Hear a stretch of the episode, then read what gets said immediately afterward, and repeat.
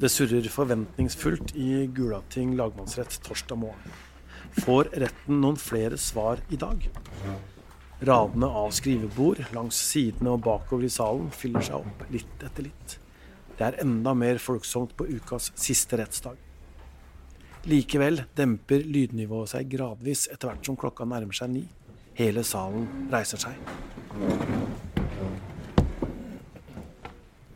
Den ene dommeren, som kalles administrator, heter Jale Golten Smørdal, og ber mannen med grått hår og gråblå genser ta plass i en kontorstol med nettingstoff.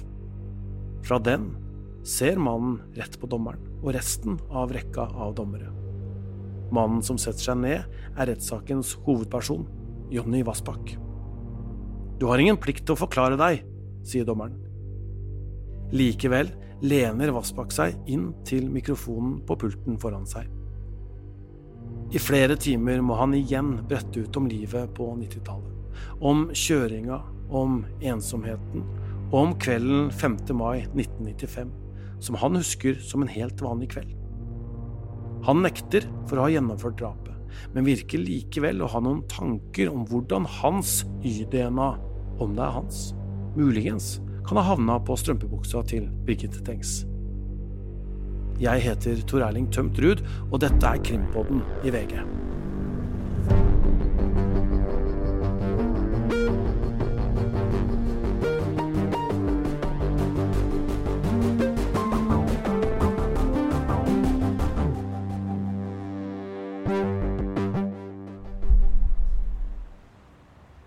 Denne gangen setter Øystein Milli og Ruth Einevold Nilsen seg ned ute. Stavanger er knapt til å kjenne igjen. Det er 25 grader, strålende sol og vindstille når de setter seg på en benk inntil den røde kirka St. Petri. Et faktisk steinkast unna tinghuset. Apropos eh, tinghus, som eh, Tor Erling sa her, så kan det kanskje virke litt sånn uklart når vi i episodene om denne lagmannsrettssaken snakker om eh, Stavanger eh, tinghus. Dette må vi kanskje få litt eh, klarhet i?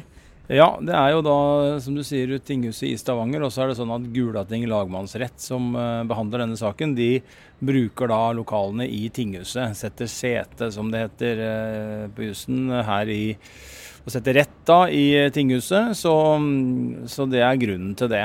Og, og Sånn har man nok hatt det ganske mange år. For som vi var inne på i en episode tidligere i uka, så er det jo sånn at uh, den salen uh, vi sitter i nå, er den samme salen som lagmannsretten frifant fetteren i samme saken for uh, ja, 25 år pluss minus siden. Mm. Og når vi først er inne og korrigerer litt, så sa vi rett og slett feil i, i introen til gårsdagens episode. Kan ikke du en gang for alle, Øystein, eh, ta for oss hvordan er denne lagmannsretten sammensatt av dommere?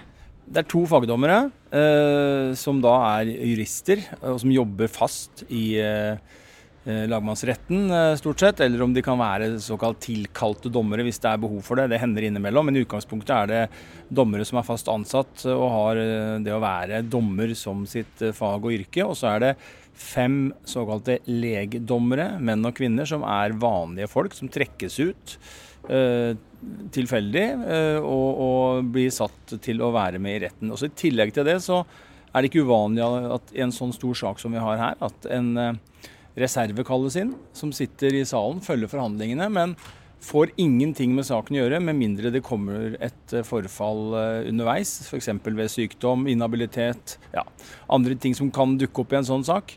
Eh, jo, altså, selv om inhabilitet skal være sjekka på forhånd, så har det faktisk hendt at, at det har blitt en eh, problemstilling likevel.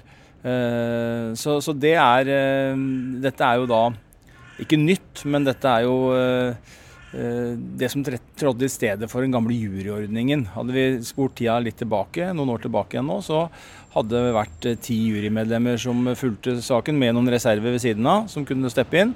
Og så hadde det vært tre fagdommere som hadde administrert retten, men nå er det da vært en, eh, en eh, ja, Den siste jurysaken var jo Eirik Jensen-saken, som en del vil huske. Og så har det vært en uh, endring da, som gjør at nå er det sånn det er lagt opp. Ja, Så nå er det fem pluss to. og en vara. Bare sånn at vi har det på det rene. Og så har det jo vært knytta spenning til denne dagen her, fordi dette har vært første dag hvor Jonny Vassbakk har forklart seg. Men eh, dagen den starta jo med noe litt annet, og noe som jo setter det at man har en 28 år gammel sak for retten i et perspektiv, kan vi vel si.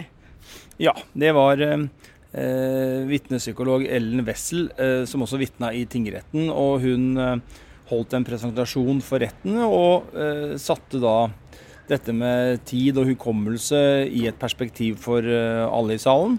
Og hun kalte jo da tid eh, og den tida som går for hukommelsens største trussel. Og det eh, har det blitt større og større bevissthet rundt at dette med å få vitner og folk som har sett noe fort inn til avhør, det er, det er viktig. Eh, og hun er en såkalt rettsoppnevnt sakkyndig, og hun forklarte da Eh, hvordan menneskelig hukommelse og minne fungerer. Hun har forska på dette her og kan eh, en av de i Norge som kan aller, aller mest om det på et faglig grunnlag. Og hun snakker om hvordan man en vanlig dag etter at det er gått en uke, ikke husker kanskje den dagen, men kan rekonstruere det ut fra et vanlig mønster.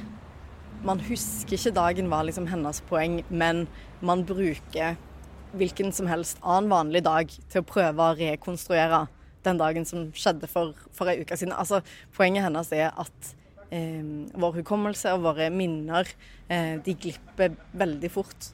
Ja, det kan være sånn Ja, når var det jeg var innom den bensinstasjonen? Hvis du veit at i forrige uke var jeg innom en bensinstasjon, så kan man jo tenke sånn Hvilken dag kan det ha vært? Og så kan man begynne å sortere. Onsdag kan det ikke ha vært, for da var jeg på jobbreise f.eks. Torsdag hadde jeg jo en trening jeg kjørte til. Eh, og, så det, og, så, og, så faller jo ting på plass, kanskje, hvis man har ting å manøvrere etter.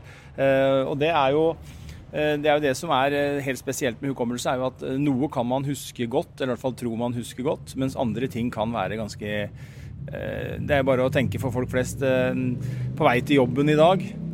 Hva så du? Og jeg vil tenke at du, sant, du så mange ting, men du husker kanskje bare én eller to eller tre, og det er ofte da en grunn kanskje til at du husker nettopp de tinga da. Ja, hvis du så et knivran f.eks. på vei til jobb, så, så, husker man vel gjerne det. Ja, eller noe som var rart eller morsomt eller eh, ja, skilte seg ut.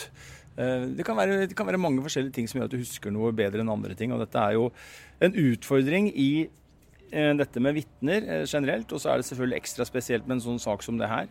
Det er jo ingen som kan komme i retten og huske hva man uh, gjorde for, eh, for, 30 år siden i utgangspunktet. Og vi husker jo fra tingrettsbehandlinga også, hvor dette ble satt på spissen, egentlig. Uh, hvor vi hadde politifolk inne som var ganske sikre på at de hadde gjort en Ja, det var vel en som hadde mente han hadde vært på åstedet, men jeg husker. Og så viste det seg at vedkommende ikke hadde det. Eh, jeg husker ikke helt om det var akkurat sånn, men det var i hvert fall et eksempel på eller noen eksempler på at det var politifolk som var helt overbevist om at de hadde gjort noe i denne saken som det lå rapporter om eh, at ikke kunne vise seg å stemme. Så det, det sier jo litt om at um, uh, dette er krevende. Mm. Og det er jo på en måte det bakteppet vi har når uh, Jonny Vassbakk setter seg i, i vitneboksen og, og, skal gi sin forklaring. Og for eh, de som hører på, og som, som ikke sitter der, og, og, vi får jo heller ikke ta bilder av, av Jonny Vassbakk, eh, hvordan framstår han når han forklarer seg? Ja, Han er i hovedsak ganske lavmælt og snakker med ganske få, få ord. Jeg vil ikke overraske meg med aktoratet opplever at han til tider svarer reservert og ikke har så lyst til å uh, ja, svare så veldig utfyllende på en del av spørsmåla. Det er litt sånn eh, perioder hvor det er litt vanskelig å få noen eh, direkte dialog mellom aktor. ja, hva er det da det handler om ofte? Nei, det kan være ting han helst ikke vil snakke om, kanskje. jeg vil i hvert fall tro at aktoratet oppfatter det sånn. At han Eh, kommer inn på Ja, det kan være mye snakk her om, om uh, ting som uh, jeg forstår godt at han ikke vil snakke om, som han kan oppleve som, som flaut. Det er jo det er jo bl.a. tema i retten at han har brukt dameundertøy, han har gitt bort undertøy til mindreårige jenter. Og, det er klart at det er sånne ting, som å ta et eksempel, som, som han nok ikke opplever har noen Eh, betydning i saken. Han eh, avviser kategorisk å ha drept Birgitte Tengs, men opplever jo fra sin side at han blir dratt inn i retten og får blottlagt privatlivet sitt, som inneholder det som noen kan oppfatte som eh, noen sånn slags avvikende seksuelle preferanser, kanskje, og syns det er å invadere hans privatliv. Og Da er det jo ikke så rart at man blir reservert. Påtalemyndigheten mener at dette er svært viktig, fordi at de er ute etter å tegne et, uh, et ganske omfattende bilde og et dekkende bilde av Jonny Vassbakk som en moduskandidat. Eh, som de har tenkt å plassere inn i en rekke bokser. Ensom fyr på jakt etter eh, venner eh, generelt, men også kanskje kvinnelige bekjentskaper spesielt.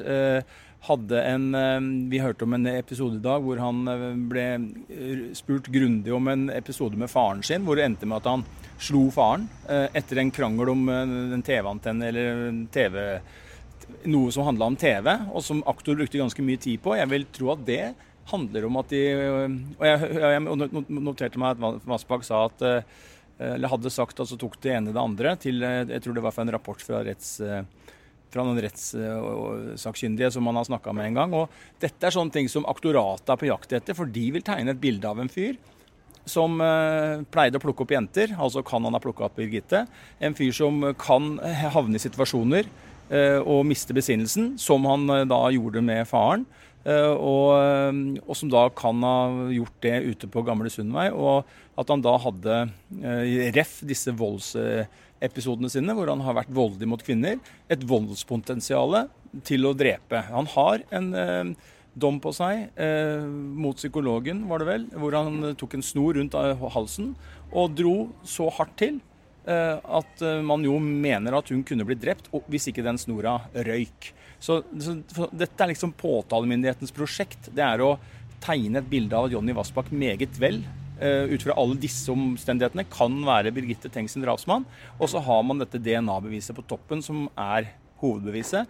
Men man skal da bruke alle disse elementene i bånd til å gjøre dommerne her rett bak oss i tinghuset Eh, sikre på at de kan trygt dømme Jonny Vassbakk for, denne, eh, for dette drapet. Og så stritter jo han selvfølgelig imot. Han eh, avviser kategorisk at han har vært på åstedet. Og, og han beskyldte også vitner for løgn. Folk som sier at han kjente til hvor gamle Sundvei var. Det er et stridstema. Og, og, altså åstedet. åstedet. Og, det, og, det, bringer meg egentlig over på neste du spør, spurte om hvordan han opptrer. og for han, han, er mye, som jeg var inne på, litt reservert og kanskje svarer litt eh, Og det med god grunn, at han ikke husker og kan ikke si noe om det så lenge etter og sånn. Og så blir det litt gnisninger av og til mellom eh, aktor og han, og så har aktor pekt på at han har huska Han kommer med en opplysning før i dag hvor han plutselig huska noe han ikke huska i tingretten om et kvinnelig vitne. Det ble såpass satt på spissen at uh, aktoratet spilte av forklaringen hans fra tingretten her i lagmannsretten for å bare vise at han har endra forklaring. Og de stilte store spørsmålstegn ved hvordan han plutselig kunne huske bedre når han husker dårlig eh, om andre ting. Eh, men så glimter Vassbakk til og blir engasjert, og, og han blir, hever stemmen litt og blir mer, hva skal vi si, setter seg mer fram i stolen og blir mer engasjert. Og det kan være f.eks. når han eh, snakka om disse vitnene som han mener da har satt og løy i tingretten, som ikke fikk noen konsekvenser for dem, eh, sa han jo. Og så eh, har det vært noen andre seanser også hvor han har, eh, har vært mer engasjert. Men, men, det er jo en typisk utspørring hvor, hvor eh, eh, altså I utgangspunktet er det jo skepsis fra hans side. Han vet jo hvor aktoratet vil. og han mener jo ikke at han skal dit som de vil ha ham. Og da blir det en sånn Ofte en sånn litt uh, kjølig tone og litt sånn uh, fiendtlig innstilling kanskje fra hans side mot aktoratet. Og aktoratet er pågående og, og, og vil, ja, vil, ha selvfølgelig de svarene som de mener det er dekning for å få ut fra det materialet som ligger der. Mm.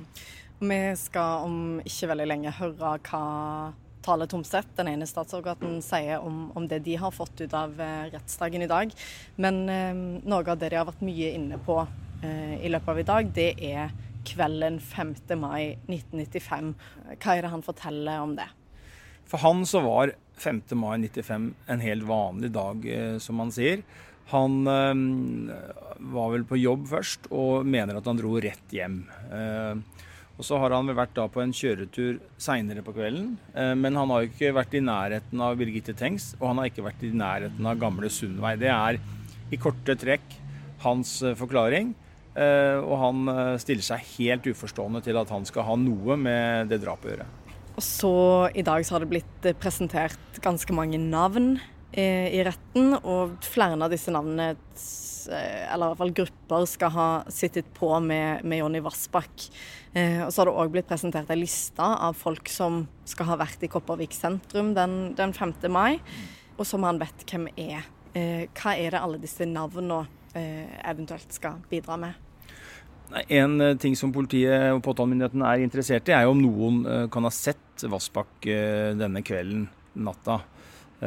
Og på den måten ja, gi han et alibi, kunne man jo tenke seg, eller i hvert fall plassere han på uh, noen steder som man kan gå ut fra. Men det har man jo da ikke fått. Vassbakk selv har jo sagt at han var ute og kjørte, og at han tok med seg to kvinner som han anslår å være i 30-åra. Men uh, disse damene har jo aldri meldt seg. Eh, så, og, og, der stopper det. Og så handler det jo mye om dette med, med oversmitte. Eh, og det har jo vært Vi har jo hørt om eh, ønsker om rekonstruksjoner, hvor man skal eh, var snakk om at forsvarerne ønska at man skulle ta noen markører som skulle ta i et dørhåndtak, og så skulle det komme en dame og ta et dørhåndtak og gni seg på da strømpebuksa Eh, var det vel snakk om, som se om teste i praksis om flytter DNA seg, f.eks. Hvis, ja, hvis, hvis du går inn i en dør, og så kommer det en annen rett etter deg og tar den samme dørhåndtaket, og så, og så gnir vedkommende seg på, på, genserarmen eller på buksebeinet, og blir det da sittende noe DNA-materiale fra person nummer én når person nummer to gjør den operasjonen? Det var jo, men det er jo avvist. Men det er jo men det er jo det dette handler om. Er, er, altså, nå virker det som forsvarerne er helt enig i at det er Jonny Vassbakks eh, DNA som er på strømpebuksa. Det er ikke noen diskusjon om det kan være en annen. Eh, om det kan, ikke sant? Med den slektsforskninga som er gjort, og de analysene som foreligger, så virker det som alle er enige om at det kan ikke være snakk om at det er en vi ikke har klart å fange opp, som går rundt på Karmøy og har avgitt en DNA-materiale eh, der. Og da er jo spørsmålet på strømpebuksa har det kommet dit fordi Jonny Vassbakk har drept Birgitte Tengs, eller kan det finnes noen forklaring? Eh, noen annen forklaring? Og Der eh, er jo dette da med hvem som var hvor, og hvem som har vært med hvem, og hvem som har vært i bilen til Vassbakk, eh, da aktuelt å belyse. Mm. Og så var vi jo litt inne på det nå nettopp, men jeg føler vi kan bruke ordet grilla om, eh, om i hvert fall en del av spørsmålene som eh, Vassbakk har fått fra aktoratet i dag. Ehm, hva er det de har, har pressa han på, opplever du? Nei, Det er jo flere ting. Eh, de har jo pressa bl.a. Nina Grande pressa han ganske hardt på dette med kontakt med unge jenter. Mm. Hva han ville oppnå med det, om han så på dem som venner. Eh, det var bl.a. en seanse hvor han eh, Vassbakk måtte erkjenne at uh, han så på disse jentene som venner, men de så på han som en sjåfør. Grande var pågående når det gjaldt dette med episoder hvor Vassbakk har gitt bort undertøy til en 14 år gammel jente.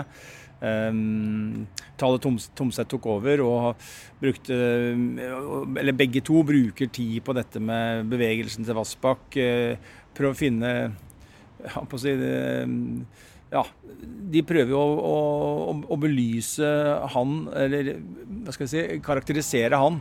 På, og, og, gjennom da offensive pågående spørsmål prøver de å karakterisere han som en Eh, ja, jeg vil si som en tikkende bombe. Eh, de vil ha han eh, som en moduskandidat. Mener at voldshistorikken hans at han mister besinnelsen.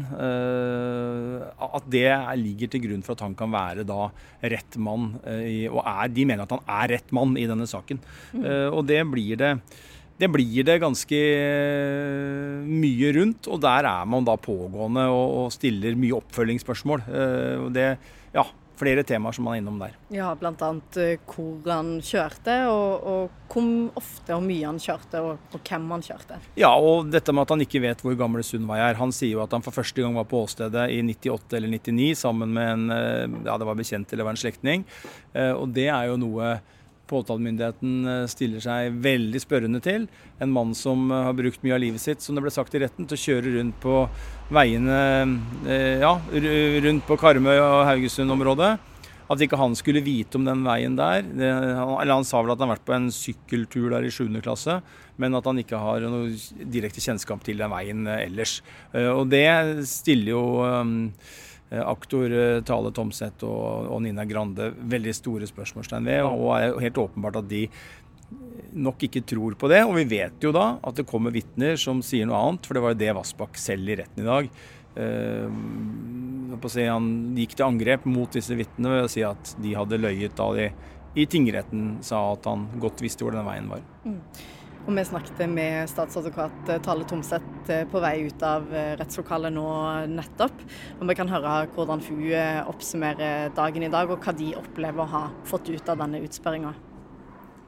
Ja, nå er det jo først og fremst eh, sånn at han eh, erkjenner jo ikke straffskyld for dette drapet, så det er jo begrensa hva han kan belyse saken på fra hans side på. Men det er jo noen temaer som er aktuelle å spørre han om, og det ene gjelder jo hans bevegelser drapsnatten.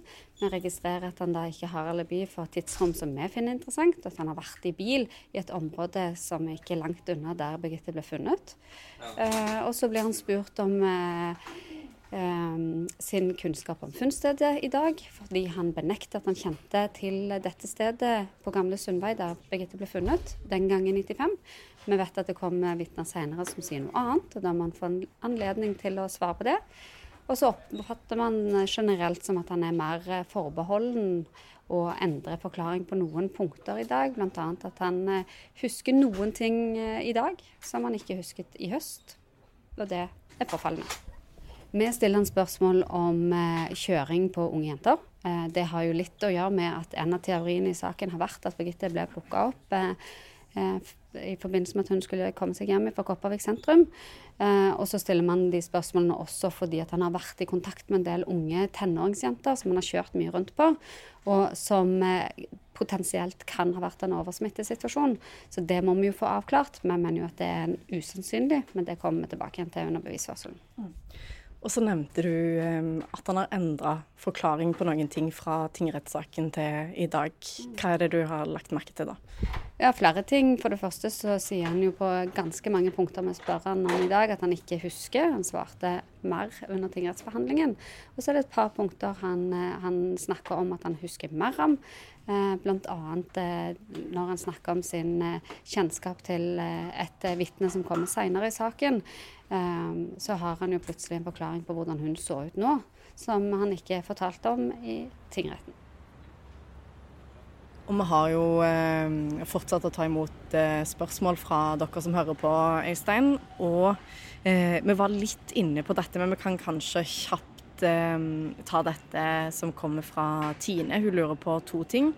Um, det ene er om vi kan utdype hva slags tidligere forhold han altså Vassbakk er sikta og eller dømt for.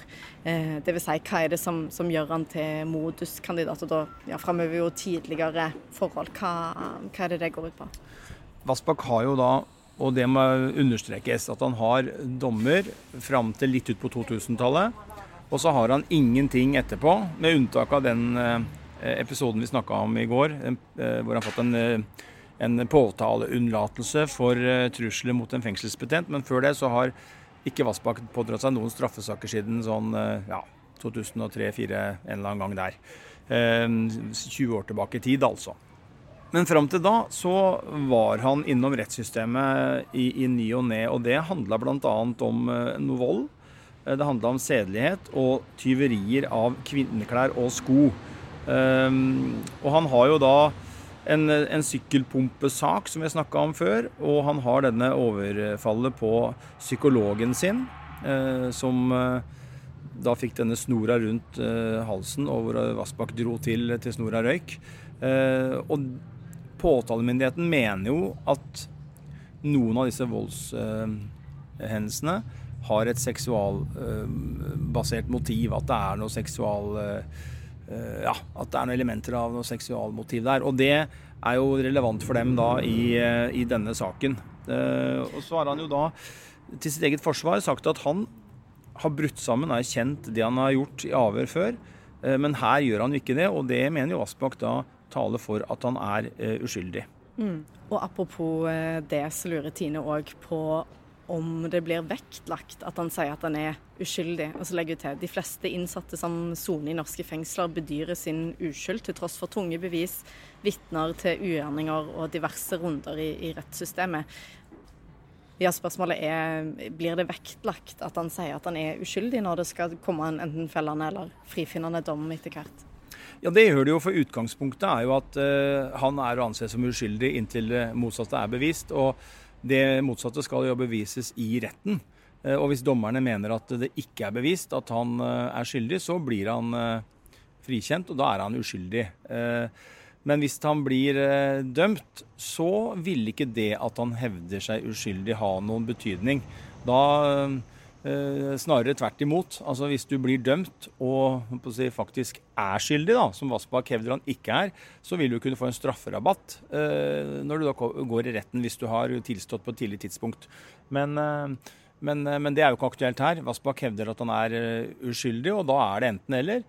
Enten så blir han frikjent, og da er han en frimann, eller så blir han dømt, og da får han en dom eh, som ikke tar hensyn til at han Ehm, hevder han er uskyldig. Det er ikke sånn at retten avsier en dom som er sånn ja, han er, han er skyldig ved dømmeren, men fordi han sier han er skyldig, så kan han være det. Så da får vi slå av litt. Eh, sånn fungerer det da ikke. Mm. Og så har eh, Tore spurt om noe som vi har snakket litt om i de eh, to forrige episodene, i hvert fall, og som kom fram på dag én. For både Forsvaret og påtalemyndigheten er klar på at disse nye prøvene som vi har snakket om, ja, de inneholder en svært begrensa mengde biologisk materiale. Så lite at det kanskje ikke kan eller bør brukes. Det vil jo vise seg. Eh, men dersom det ikke kan brukes, så er vel DNA-resultatene som ble brukt i tingretten like aktuelle. Og saken står på mange måter likt som da, rent bevismessig, lurer Tore på. Ja, nå har påtalemyndigheten allerede nevnt det. Og eh, jeg vil jo tro at det er av en grunn. Eh, selvfølgelig er det for å gjøre oppmerksom på at det pågår undersøkelser, men, men får vi, vi, får se. Men jeg tror jo at man kommer til å Nå kommer disse ekspertene, og nå kommer det en, eh, en fullstendig rapport. Men jeg tror jo at det kommer til å bli eh, Det blir jo belyst i retten uansett nå hva som er det endelige resultatet. Og så får vi jo se om påtalemyndigheten legger noen vekt eller ingen vekt på det i en eventuell eller i prosedyren sin, men at det kommer til å komme frem i retten, og at dommerne eh, kan legge vekt på det uansett. Det kan jo komme til å skje, for det er ikke sånn at dommerne er ikke er jo ikke, det er fri bevisførsel, og dommerne skal vurdere dette på fritt grunnlag. Så de kan jo legge vekt på alt de hører i retten, egentlig, når de skal, når de skal uavhengig av hva påtalemyndigheten og forsvarerne ber dem legge vekt på, så kan de eh, ja, vektlegge det de vil. Så Sånn sett så er jo allerede dette et element i saken. Uh, og, og, og, som det kan bli lekt, lagt vekt på. Men som sagt, vi må høre mer hva som kommer i den endelige rapporten, før vi kan uh, si noe, noe mer presist om hvilken betydning dette eventuelt kan få. Og Så har vi et spørsmål fra Emil. For han har hørt på en episode fra podkasten Avhørt, hvor eh, Leif A. Lier blir intervjua. Og han forteller om en vitneforklaring som, eh, som, skjedde noen år etter drapet. Og i den så kommer det fram en, eh, det han kaller svært mistenkelig oppførsel fra en eh, kar. Og dette skal ha skjedd samme natten som Birgitte Tengs ble drept. Og for han så virker det som det bør være av interesse. Men hvorfor er det ingen som tilsynelatende er interessert i dette i forbindelse med rettssaken mot Vassbakk, lurer han på. Ja, Påtalemyndigheten har jo da et DNA-bevis som de anfører som eh, bærebjelken i anklagen mot uh, Vassbakk. Så de, eh, og de, altså Påtalemyndigheten kommer jo ikke med trekkende med flere alternativer uh, av gjerningsmenn inn i en, en sak. Uh, de, eller den, går inn i retten og ber om en tiltale og tar ut en tiltale når de mener at de, som jeg har vært inne på før, har en, eh, en, eller flere personer. Og her i denne saken så er det jo bare én gjerningsmann, så her kan det ikke være flere. Men at man da i denne saken har én person som eh, man mener eh, er skyldig.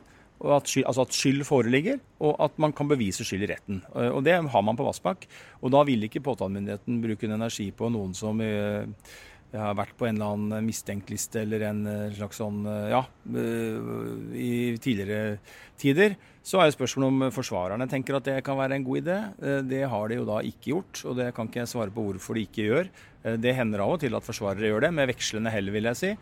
Og så vil jeg jo si en ting til, og det er at jeg har en konkret sak som jeg har gått gjennom, hvor det var noen personer som oppførte seg så Det var så mye mistenkelig ved dem. Eh, de hadde holdt på med noen voldshandlinger eh, mot eh, hjemmet til offeret. De hadde snakka i koder på telefon. De hadde rengjort en bil veldig grundig. De begynte å skjelve i avhør, og de løy og holdt tilbake ting. Det var, det var en lang liste med eh, mistenkelige. Og det var så, det ble, altså det var, mistanken var så sterk at politiet fikk i rettens eh, kjennelse til å starte hemmelig etterforskning mot disse her. Og jeg tror det var helt åpenbart eh, i eh, både retten eh, og eh, blant etterforskerne at dette var riktige folk. Disse var skyldige, for det var så mange ting. Så jobber man med det, og man får ikke noe mer. Så går det noen uker. Plutselig dukker det opp et helt annet spor, en helt annen retning, som man begynner å jobbe med. Det er i dag ingen tvil om at det var det riktige sporet. Der har man bl.a. tilståelser og tekniske bevis som eh, liksom setter tre streker under det svaret. Poenget med det jeg sier nå, er at det kan være mange som oppfører seg mistenkelig, og som har en rar bakgrunn, og som blir veiva inn i en sånn sak. Men det er da det, for å unngå justismord, så er det da det er viktig å skille den type ting fra de tingene som da kan bevises som det er hold i. Uh, og, sånn, Den saken jeg snakker om, er litt sånn wake-up call for meg. Bare sånn i forhold til at du kan se aldri så mistenkelig ut uh, og ha aldri så mye på deg, men du kan uh, altså da likevel være, når tilfeldighetene slår inn på den måten der, være dratt inn i en sak og se dønn skyldig ut uten at du faktisk er det. Med denne episoden så er første rettsuke over. Men Øystein Millie og Ruth Einvoll Nilsen er tilbake i Stavanger på mandag. Da får vi, og du, høre mer av Jonny Vassbakks forklaring, som fortsetter da. Vi svarer gjerne på flere spørsmål hvis dere har noen også. Skriv til oss på Instagram eller Facebook, bare søk opp Krimpodden der, eller send oss en mail på krimpodden at vg.no. Utenom teamet vårt i Stavanger, så består Krimpodden også av Hanna Espevik, produsent Vilde Worren, nyhetssjef Emilie Hall Torp og jeg, Tor Erling Tømmertrud.